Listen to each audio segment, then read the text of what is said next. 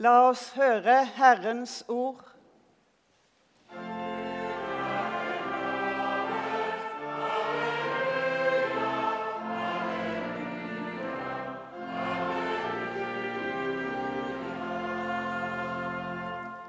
Det står skrevet i evangeliet etter Matteus. Jesus sa, 'Når menneskesønnen kommer i sin herlighet' og alle englene med ham. Da skal han sitte på sin trone i herlighet, og alle folkeslag skal samles foran ham. Han skal skille dem fra hverandre som en gjeter skiller sauene fra geitene, og stille sauene på sin høyre side og geitene på sin venstre. Så skal kongen si til dem på sin høyre side:" Kom hit, dere som er velsignet av min far, og ta i arv det riket som er gjort i stand for dere helt fra verdens grunnvoll ble lagt. For jeg var sulten, og dere ga meg mat. Jeg var tørst, og dere ga meg drikke. Jeg var fremmed, og dere tok imot meg. Jeg var naken, og dere kledde meg. Jeg var syk, og dere så til meg. Jeg var i fengsel, og dere besøkte meg. Da skal de rettferdige svare, Herre, når så vi deg sulten og ga deg mat, eller tørst og ga deg drikke? Når så vi deg fremmed og tok imot deg, eller naken og kledde deg? Når så vi deg syk eller i fengsel og kom til deg? Og kongen skal svare dem, sannelig, jeg sier dere, det dere gjorde mot en av disse mine minste søsken, har dere gjort mot meg.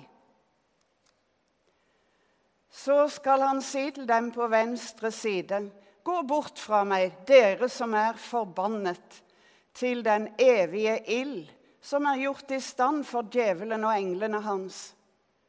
For jeg var sulten, og dere ga meg ikke mat. Jeg var tørst, og dere ga meg ikke drikke.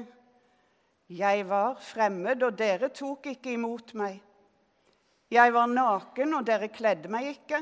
Jeg var syk og i fengsel, og dere så ikke til meg. Da skal de svare, Herre, når så vi deg sulten eller tørst eller fremmed eller naken eller syk eller i fengsel uten å komme deg til hjelp?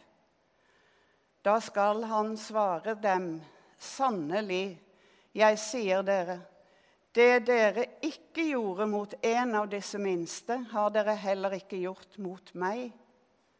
Og disse skal gå bort til evig straff, men de rettferdige til evig liv. Slik lyder det hellige evangelium.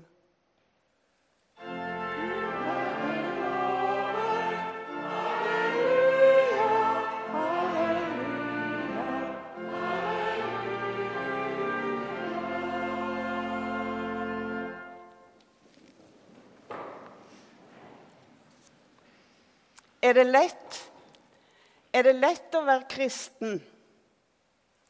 Må det alltid være lett å tro? Smak litt på navnet denne søndagen har fått. Domssøndag. I Bibelen kan vi lese om dom og ansvar på ulike måter. Ikke alle de bibelske ordene eller bildene er egnet til å skape god kommunikasjon om ansvar.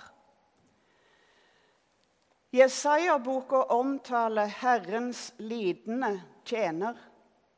Han hadde ingen herlig skikkelse vi kunne se på.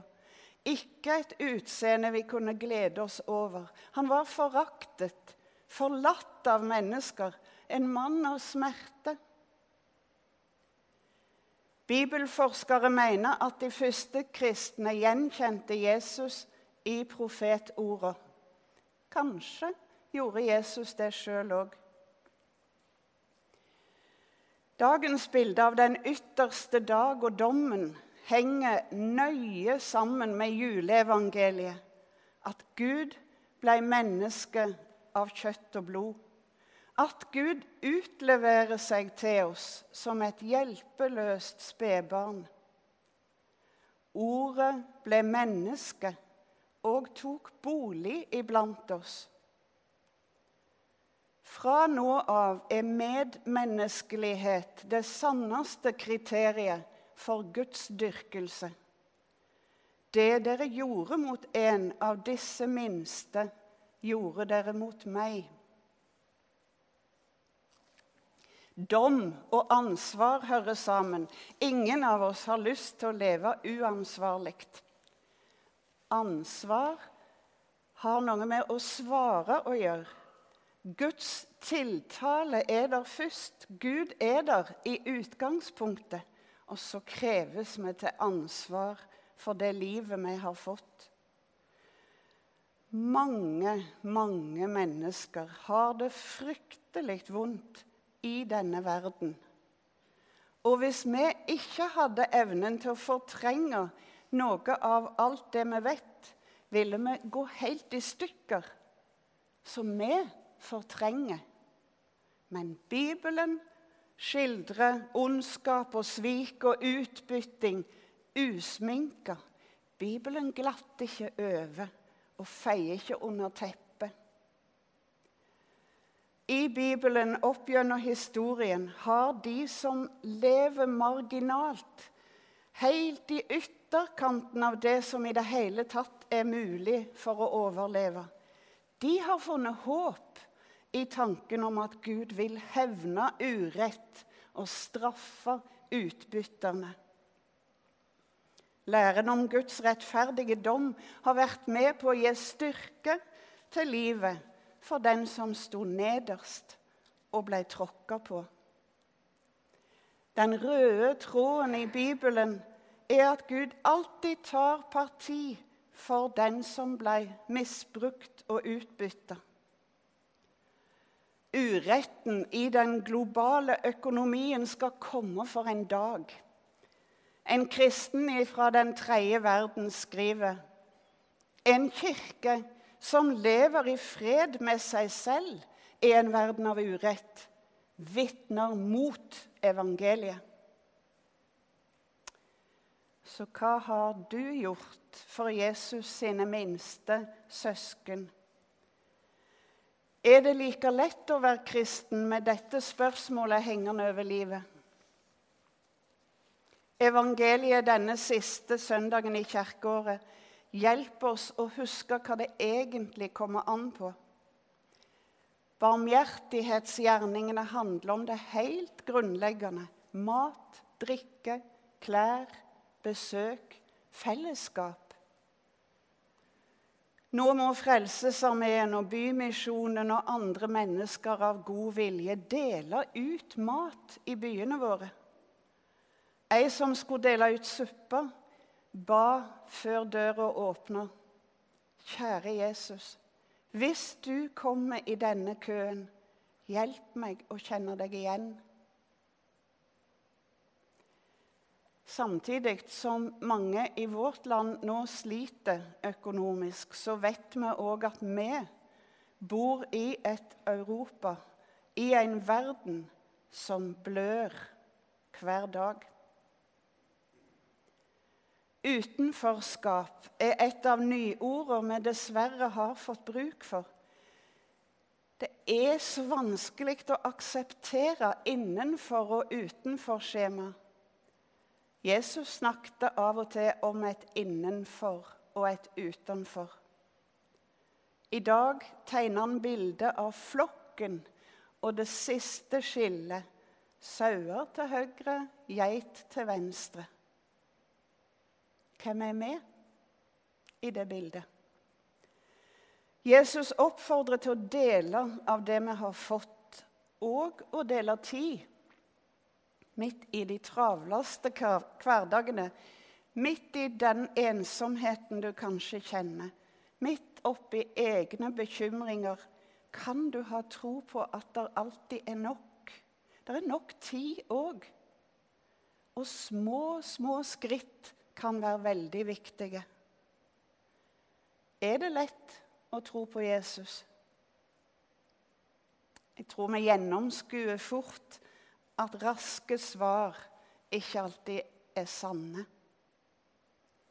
Så her framme står kirkebåten som ei påminning om at bispedømmet vårt feirer 900 år i 2025. Båten er ekte. Den er utlånt fra Kystkultursenteret for å besøke de 90 menighetene i bispedømmet, enten på en båthenger eller over vann og sjø. Færingen blir samtidig et symbol. Nå er vi i det store kirkerommet, det som kalles skipet. Vi er i samme båt. I jubileumsåret utfordrer vi lokalmenigheter til å være spesielt oppmerksomme på hva fellesskap betyr. Vi vil at både det organiserte arbeidet og alt det gode som skjer ut forbi formelle rammer, skal styrkes. For vi kan bare klare oss sammen. Kanskje er jeg sjøl en av disse Jesus sine minste. Noen må ta seg av meg. Fellesskap i nabolag, familier og menigheter kan være plassen der Guds kjærlighet både berører og utfordrer. Ingen ønsker å leve uansvarlig. Så la Gud minne deg om noe helt hverdagslig godt som bare du kan gjøre. Da skriver vi dagene inn i livets bok. Ære være Faderen og Sønnen og Den hellige ånd, som var, er og blir en sann Gud fra evighet til evighet. Amen.